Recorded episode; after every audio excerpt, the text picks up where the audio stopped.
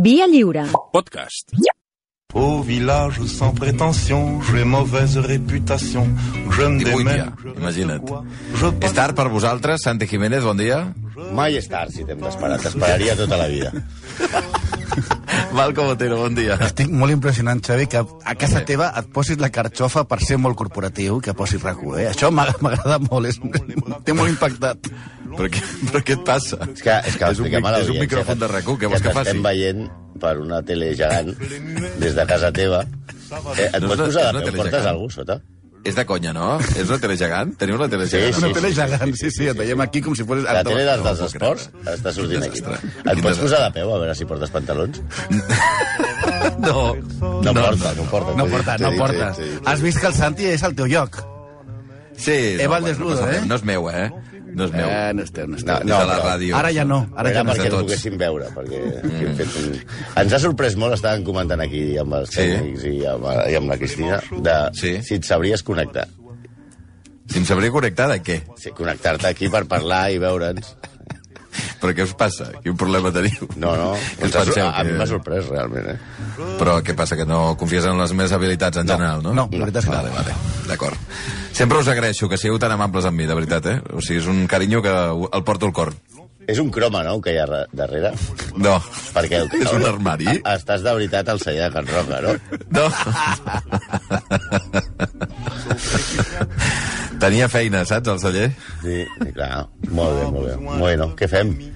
Estàs No sé, vosaltres direu. Però aba- abans de res, vull agrair perquè han escrit a, a, a, a la ràdio dues, mm. dues, dues amigues i una d'elles començava el seu mail dient ja sé que no contesteu els mails, li deia RAC1 però nosa- ells, RAC1 no contesta però nosaltres sí eh? nosaltres sí i t'agraïm molt Carol, eh, Carola Cucurella la, les teves, i també a una altra noia que es deia, no me'n recordo com es diu Què passa? Que ets simpàtic? Molt bé, molt bé. Ara sóc simpàtic, ara sóc simpàtic. Eh, li, li agraeixo les seves recomanacions. Si utilitzes bàsicament l'antena de RAC1 per criticar-nos que... Que no i contesteu els mails. I fer veure... Sembleu que- editors, no és sembleu editors. No és veritat, això, però bueno, és igual, és igual. Bueno, què, voleu parlar d'alguna cosa o ja anem passant? No, com vulguis tu, tu, No, tu, tu bé. No, no, no, Vols digueu. fer una si altra portat manifestació de una 15 xacra prou, persones? no? Una altra manifestació així multitudinària? Volem fer? Va, tira. Avui parlarem, avui anem, anem al turron, va. Parlarem eh, d'un execrable que és el típic cas que el Toni García Grunyón, quan ve després, ens diu que aquest és il·lustre? Eh, miserables, desgraciats, ja falta menys pel que feu Pol Pot. Vale. Hitler! Acceptem que parlem d'un detritus humà, però sí que va ser il·lustre i ara, actualment, per estrany que sembli, torna a estar de moda, torna a ser-ho. Avui, eh, estimats oients, aprendrem una nova paraula, com a n- nosaltres, que som molt incultes. És cleptòcrata. Un cle- Cleptòcrata. Cleptòcrata. Un cleptòcrata és qui practica la cleptocràcia, que és el sistema de govern en el que prima l'interès per l'enriquiment propi a costa dels béns públics i que es estableix amb el desenvolupament del poder basat en el robatori de capital a través de la institucion... isti... institucionalització, collons, De veritat. ja sembla Malcolm, de la corrupció i els seus derivats, com ara el nepotisme, el clientelisme polític o el peculat, eh, que és un que Però és un corrupte, bàsicament, m'esteu dient. Exacte, qualsevol forma de govern. O sigui, no, no veig quina, quina diferència hi ha amb rotllo. una altra. Va, va. Peculat m'ha encantat, eh? Sí, Peculat. sí, pel culat. Des de, a veure, Va. a veure, aquí, eh, però és que a més a més d'un cleptòcrata, parlarem d'un dictador, torturador, lladre, corrupte i sospitós d'assassinat que acumula 75.000 denúncies i violacions contra els drets humans. Oh, boníssim, això. És com tenir multes a casa, eh? Sí, exacte. Allà empaparant-se la casa. És l'organització eh, Transparència Internacional el situa com a medalla de plata com el segon dictador més corrupte del segle XX, només superat per l'indonesi Suharto, que era Suhurto. Parlem de Ferdinand Emmanuel Edralín Marcos, el senyorito de les Filipines del 65 al 86, més conegut com Ferdinand Marcos. En un puerto Ja hi som. italiano, Joder.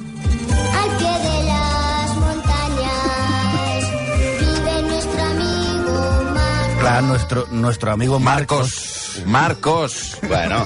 No es deia Marco, Eh, Marcos. Ja està, ja el puntillós que em costes a casa Mira, que has perdut, ja sé per què has perdut la cadira. Però bueno, el nostre amic Marcos no va néixer ni en un pueblo italiano, al pie de las montañas, ni en una humilde morada, ni se levantaba muy temprano, la No, veritat. levantarse Cap de les no. tres coses.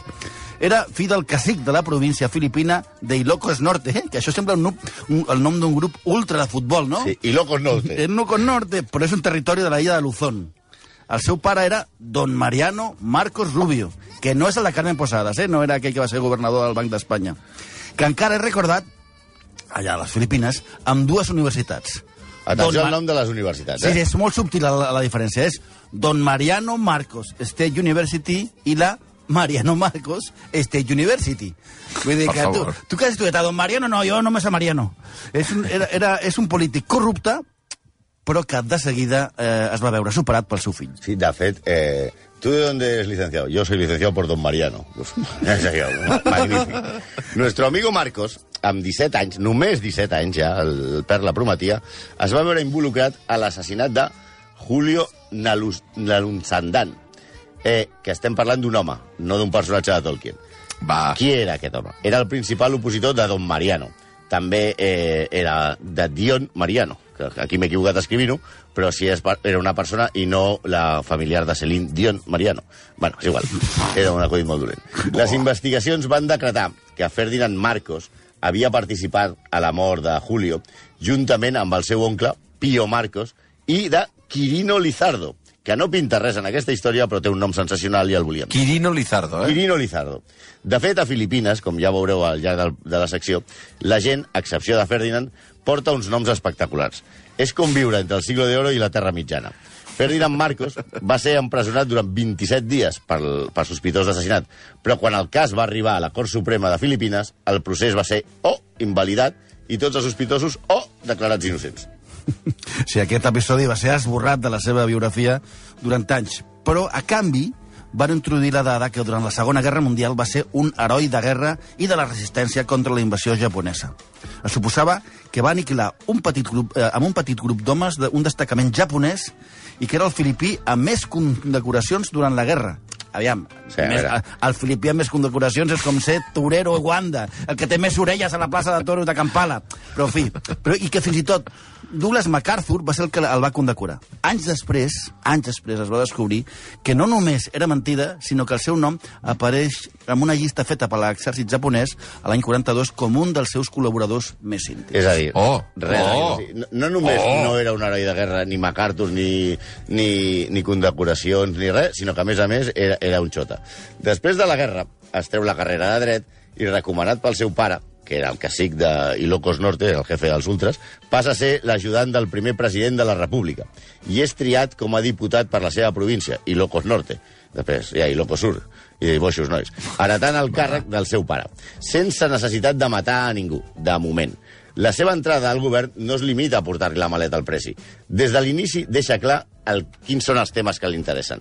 Presideix la Cambra d'Economia, ah, la Comissió de Planificació Econòmica, Empreses i Divises Bancàries. És a dir, Ara, ara. tu què prefereixes, el Ministeri de Cultura o la pasta? Ara, Eh, eh. Pues va. Sí. que manegant càrrecs al govern amb l'ajuda de la seva dona, de la que ja parlarem ara en una estoneta, i amb la trola de que era un heroi, es presenta president i guanya les eleccions amb un discurs basat en el populisme i la demagogia. També sorpresa. També sorpresa. En aquell moment, que estem parlant l'any 65, Filipines passava per la seva pitjor crisi econòmica de la seva història. Tot i això, encara era la segona economia d'Àsia per darrere de Japó. El seu deute, el seu deute extern, en, en aquell moment, era de 300 milions de dòlars. O sigui, vull dir que no podies comprar ni tres jugadors, eh? I quan va deixar el càrrec, 21, 21 anys després, el deute ja era de 30.000. Sí, Per favor. Per tant, eh, Bartomeu tampoc ha fet res estrany. El, No. seu, el seu estil de govern, el de, el de nostre amigo Marcos, no el de Barto, es basava en cinc pilars. A saber, un, combatre el comunisme. Això ja ho tenim amb, amb molts de- d'aquests. Dos, repressió. Va tancar Ei. diaris i va empresonar opositors. I l'any 77, és a dir, 11 anys després de la seva eh, proclamació com a president, 60.000 filipins, mm, gent, no galetes, havien estat detinguts per motius polítics. 3. El recolzament de l'exèrcit que en 10 anys es va quadruplicar. Va passar de tenir 65.000 efectius a 270.000. 4. Aquest també no falla mai. Complicitat de l'Església Catòlica a la que va atorgar tots els privilegis. I 5. El recolzament, tampoc falla mai, dels empresaris. No sé si us sona alguna cosa, però sí, ja us ho confirmem. Ell mateix, Marcos, reconeixia que la seva inspiració era el general Franco. Hombre, Bueno, bueno, no, no cal que la posem molt, molt, que era només per ambientar aquesta, aquesta música. no, no, no, no, si l'has posat la poses ara, eh? Aguanta aquí, aguanta. Aguanta. Veus? Ah, si t'has atrevit a posar-lo a la ràdio... I ara hi ha mínim- tota la gent de la manifestació aquesta pel català sentint la ràdio i, i trucant. No, jo crec que ja està, ja està bé. Com, com a dosi ja està, ja està bé, ja està bé. Bueno, que, Posa el virulai, va. era tal la seva admiració pel franquisme que una de les seves primeres mesures va ser la de crear el Cabatán Barangay, Barangay que era una, organi una organització... No és un club d'alterne de- d'aquests de, de, de. El Cagatan Barangay. No. Era una organització juvenil feta a la imatge del Frente de Juventudes, per la qual tots els joves del país, entre els 15 i els 18 anys, estaven obligats a treballar gratis per l'Estat. Els enviaven a zones, diguem-ne, rurals, remotes, a treballar com a voluntaris. Òbviament, els fills de les famílies influents estaven alliberades. Qui estava al front d'aquesta organització? Doncs la filla de Ferdinand, i Ime, que era Imelda, però en, en petit. Ime, que és com la seva Ime. mare. Li van, a la que li van falsificar una pila de títols de diverses universitats americanes. No sé si us sona també això. O sigui, ells mateixos no la van posar eh, titulada per Don Mariano. No, li van posar Harvard i coses d'aquestes. Aleshores, Caraca. això va ser denunciat, atenció al nom, per l'opositor Arquímedes Trajano. Boníssim, nom, eh? Nom fabulós, perquè aquest home... Arquímedes Trajano. Aquest home, els, els seus pares llegien els clàssics. I ho va denunciar, i què li va passar al pobre Arquímedes Trajano? Va ser assassinat. Va pelar. Vaja. No, Vaja, no sabem qui, eh? No. Marcos, que comptava la protecció absoluta dels Estats Units, va començar a fer el que li rotava a Filipines. En correspondència al suport americà, s'ha de dir, va oferir-se enviar tropes a Vietnam per combatir la, la guerrilla i fins i tot es, es va fer esculpir la seva cara en un bus de 30 metres en una muntanya imitant els presidents de Mont Rushmore. Sí, total. Amb total impunitat, que era com governava, va fer-se un autocop d'estat. És a dir, que va imposar la llei marcial. Va canviar la llei per poder ser reelegit sense límit de mandats i va substituir, una mica Florentino Pérez, i va substituir el Congrés per un Parlament en el que els diputats es designava ell mateix al temps que simultanejava els càrrecs de president i primer ministre. Així s'estalviaven un sou. Sí, òbviament, tenia, tenia opositors. Com? És que Atenció. No, Ah, sí? Jovito Salonga. Sí. Jovito Salonga, que sembla... No és un tertulià de Sálvame, eh? Jovito! Després, José Dioc no, i per sobre de tots, Benigno Ninoy Aquino. Tots van ser empresonats, però Aquino va aconseguir exiliar-se i l'any No, 1893... igual 900, eh? 1983, sí, bueno, sí, ara són 100, 100 anys. No, el 1983 Aquino va decidir tornar a Filipines creient que ja podria participar en un procés electoral. Però en el moment de baixar les escales de l'avió va ser assassinat. Sigui, no va arribar, ni a, Hosti. agaf- no va ni, a arribar ni a agafar la maleta. No, aquest crim Hosti, que bèstia. aquest crim va ser tan impune i tan escandalós mundialment que els seus aliats tradicionals van començar a veure que Marcos ja era perillós. Ja, eh? Ja era perillós, és que fa molta gràcia això de bueno, ara ja sí, eh? ja, potser sí, anem ja. a fer un paripé d'eleccions, que vingui el Benigno Aquino, i no el deixen ja ni, ni, ni, ni passar el passaport, o sigui... Clar, aleshores, sí. sí. Els, els països li van retirar el seu recolzament i comença, diguem-ne, la seva caiguda. Ningú ja volia ser amic seu. Hosti. Boníssima aquesta. Boníssima, sí. Els dies de glòria de nuestro amigo Marco arribaven a la seva fi. Però abans va tenir una època esplendorosa que en la seva megalomania va fer de tot per convertir Filipines en el centre del món. Però ell va calcular malament en dues ocasions mítiques que van ser absolutament legendàries. Parlem quan va organitzar el concert dels Beatles a Manila el 1966 i el combat entre Muhammad Ali i Joe Fraser, el famós Thriller in Manila del 75. Comencem pels Beatles, va. Sigui, això comença l'estiu del 66, els Beatles estaven de gira mundial i seria la última, la última, la, la, la última, l'últim concert per tot el que va passar a Filipines. Ja mai més va- van anar a Filipines i mai més van tornar a fer una gira. Eh, després de tres concerts amb un èxit brutal al Japó, Imelda Marcos, la dona de Ferdinand, es va contractar per actuar a Filipines. Va ser un malson del gairebé no se'n surten. Van aterrar a Manila el 3 de juliol de l'any 66. I només posar un peu a terra, els van ficar en un cotxe a peu de pista. Va ser separat dels seus acompanyants i del seu equipatge, Fatal, això. fet que els va preocupar bastant, perquè les maletes portaven tota la droga per enfonsar la illa. I, eh, en tot cas, com a molt, Només quedava la droga, que no que, sabia. com a molt fotut quedava la droga que no s'havia fotut Ringo Starr, que bueno, ja que sabria molt poquet. Escolta, ah, No sé si heu vist la sèrie, és el tio que està més, més, més hores amb ressaca de la història. Més que nosaltres. al principi... Perquè no està acostumat. No, no, no havia provat res. Al principi, el grup, els Beatles, van pensar que, que aquests tios que els ficaven en un cotxe els duien al seu Sí. hotel. Però els porten clar. a una base militar, Ui, on els obliguen a donar una roda de premsa que no estava programada. A l'acabar la roda de premsa, els tornen a fotre el cotxe i en lloc d'anar a l'hotel, segurament tenien pipi o alguna cosa a fer, els porten al port de Manila, on els van obligar a pujar a un iot de luxe en els que els esperava, atenció al nom, Manolo Elizalde. Ja era fi trobar a Filipines un nom normal, que sembla Manolo que sigui Elizalde. el director del equip ciclista BH a la Vuelta Ciclista a Espanya. Manolo Elizalde, era? estamos? Ataca. Bueno, era, Manolo Elizalde era un important empresari local, amigote de Marcos, multimilionari i corrupte, que havia preparat una festa pels amics pijos del seu fill al seu iot. Sí, era un segrest festiu amb dones, alcohol i més drogues de les que ells havien perdut, però els Beatles estaven fins al monyo. No obstant, el pitjor encara estava per arribar. I és que resulta que abans del concert que havien de fer a l'estadi de futbol, Imelda havia preparat un berenar amb el quartet de Liverpool a la imponent sala... Sí, vam, anem a convidar els Beatles a berenar. Sí, a la sala... De... Sí, és una, molt- ja és una bona idea, eh? Sala de música del Farem, Palacio. farem uns petits sangus, un... unes cerveses, uns ganxitos... Medias i- lunas, sí, sí. I ja sí era la, això era, es feia una imponent, una sala imponent, que és la sala de música del Palacio Malacanyang, i una cosa, era una cosa discreta. Havia, ella havia, s'havien fet encarregar un vestit especialment per l'ocasió a París. Put? No, hòstia, no sé si haig de dir ja puto PSG una altra vegada. sí, home, digueu, ja que no, sé quants és cops sortirà estem, a París. estem, estem pendents del que passi ara. Potser som a- amics ara, eh? Diguem, Ah, ah, vale, PSG. Va, va. Entremaliat PSG, Baixarem una miqueta al, al nivell. Bé, Por si acaso. Vale. A la festa estarien els seus tres fills, Imé, Irene I atenció, Bonbon. aquest Bon nom és... és el seu fill? Sí, Bombón. Sí, com Xavi Bonbon. Però Prou. bueno, i també Via lliure, en Xavi Bombón. Potser sí que tenen una ràdio allà que presenta un tal Oh, Bon les tenien totes, no et preocupis. Sí, sí, sí. sí. Bueno, I també altres 400 nens, fills de ministres, empresaris, uns 40 cambrers. Per si això no fos prou, hi havia dos equips de televisió perquè el berenar es retransmitia en directe per la tele a tot el país. Sí, un berenar retransmès en directe. Impressionant. Només hi havia un petit, un petit problema, un petit detallet, i és que ningú no havia avisat els Beatles. No. I la política dels Beatles, quan anaven de gira, era molt clara. No feien mai visites a governants, ni a polítics, ni a ambaixades durant, mentre estaven de gira. De res va servir que el seu mànager, Brian Epstein, els insistís de que se, me va caer, se nos va caer el pelo, que això lo veo venir muy mal. No hi van anar.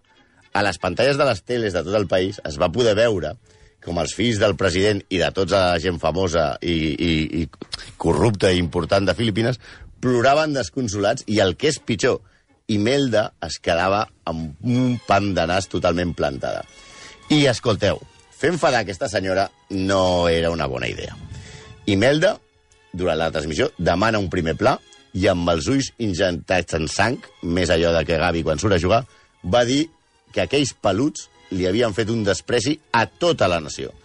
La premsa, que havia elogiat els Beatles a la seva arribada, ja va començar a parlar de menyspreu històric, Ai, ai, falta ai. de respecte, d'escopinar de la cara de tots els filipins, i un periodista textualment va dir només a un subnormal li pot agradar la música dels Beatles. Però què diu?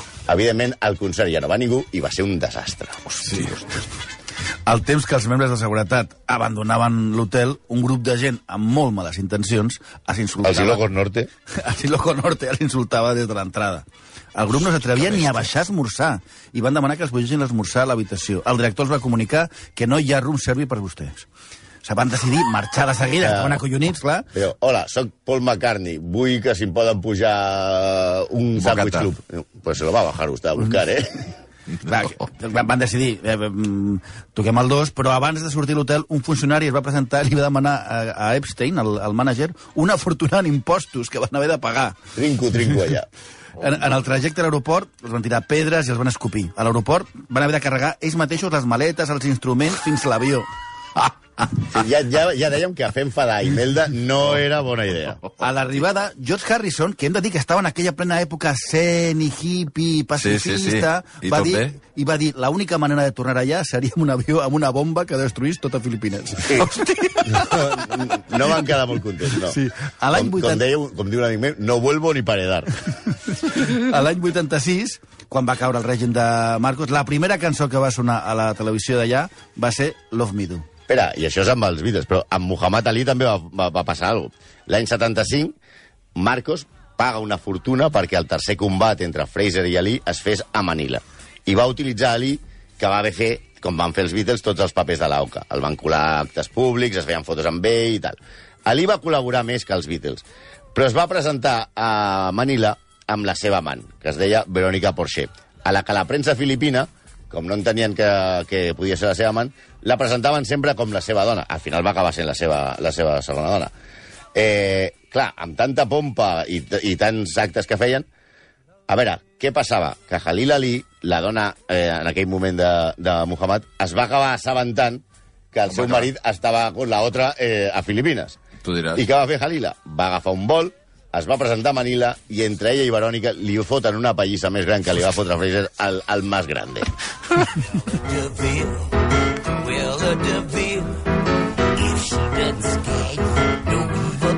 I sí, amics, ha arribat l'hora de parlar una mica d'Imelda, Remedios, Visitación, Romualdez i Trinidad, més coneguda com la papallona de ferro, i que feia més por que Angela Channing i Alexis Carrington juntes. La veritat és que Imelda era un model de bona família, una model de bona família, que als 19 anys va ser proclamada com a reina de la belleza rosa de Tacloban. No sé què vol dir la belleza rosa de Tacloban, no sé on és. No sé Bueno, si... que, que era un pivot. Era un pivot. Va anar a compartir pel títol de Musa de Filipines, però no va guanyar. No li va semblar bé i es va repetir el concurs. Ja hem dit que és mala idea fer enfadar aquesta dona. Aleshores sí que va guanyar. És una mica com el sorteig de la Champions, eh? Va conèixer el nostre amic, el nostre amigo Marcos, i després de 10 intensos dies de relació, va ser molt intensa, eh? es van casar. El que li devia fer en aquells dius. Eh, Prou.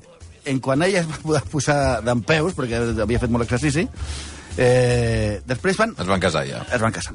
Acabaven de fundar la primera dictadura conjugal. Ell era molt més cruel que ell i el servei polític de la cleptocràcia. A més de la seva dona, era ministra d'Assentaments Humans Amb i, atenció al càrrec. de, i, i ambaixadora extraordinària plenipotenciària de les Filipines.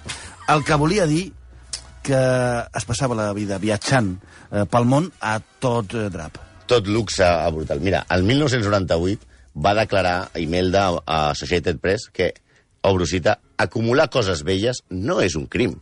No. Vaig néixer ostentosa. Algun dia el meu nom sortirà al diccionari. I maldífic significarà ostentació i extravagança. Bueno, encara la paraula no ha entrat al diccionari, però ella, diguem-ne que ho va intentar. Més enllà de la seva famosa col·lecció de 3.000 parells de sabates, feia, o fa encara, perquè encara és viva, la migdiada envoltada de collars de perles estesos sobre el llit, perquè diu que això porta bona sort. Quin còmode, també, t'ho dic. Ja et gires allò i tu t'estàs clavant les perles. I, Sí, no, que entren per forats. Sí, sí. De Noi. va construir un paradís africà privat a la illa de Calui, de Filipines, on va expulsar de les seves terres a 250 famílies per omplir l'illa amb una mena de, de Rio León Safari, amb més de 60 girafes, zebres, impales i tal. A dia d'avui aquests animals estan abandonats i es moren de gana. I també tenia un altre costum que era quan passava amb el seu Porsche pels barris pobres de Filipines, de Manila, de les sí. ciutats que visités, era feia casa, aquesta cosa tan bonita d'anar tirant diners per la finestra per veure com els pobres es tiraven darrere per recollir-los. Que bèstia, que bèstia. Sí, i, però s'ha de dir que Imelda va ser molt popular a Espanya, Bueno, Tico Medina l'entrevistava sempre. perquè ella sempre reconeixia, sempre reconeixia que era molt admiradora de Franco i era, era de, de, de fet, era molt eh, ami- íntima amiga dels, aleshores, prínceps de Ara són d'Espanya. emèrits. Ara són emèrits. Són emèrits i, no- i, no, i no residentes en, en Madrid. No, i, i, i de, de fet, el van acollir a casa seva en el viatge de noces. I era, era, Imelda era un personatge diguem, recurrent a la premsa espanyola del cor.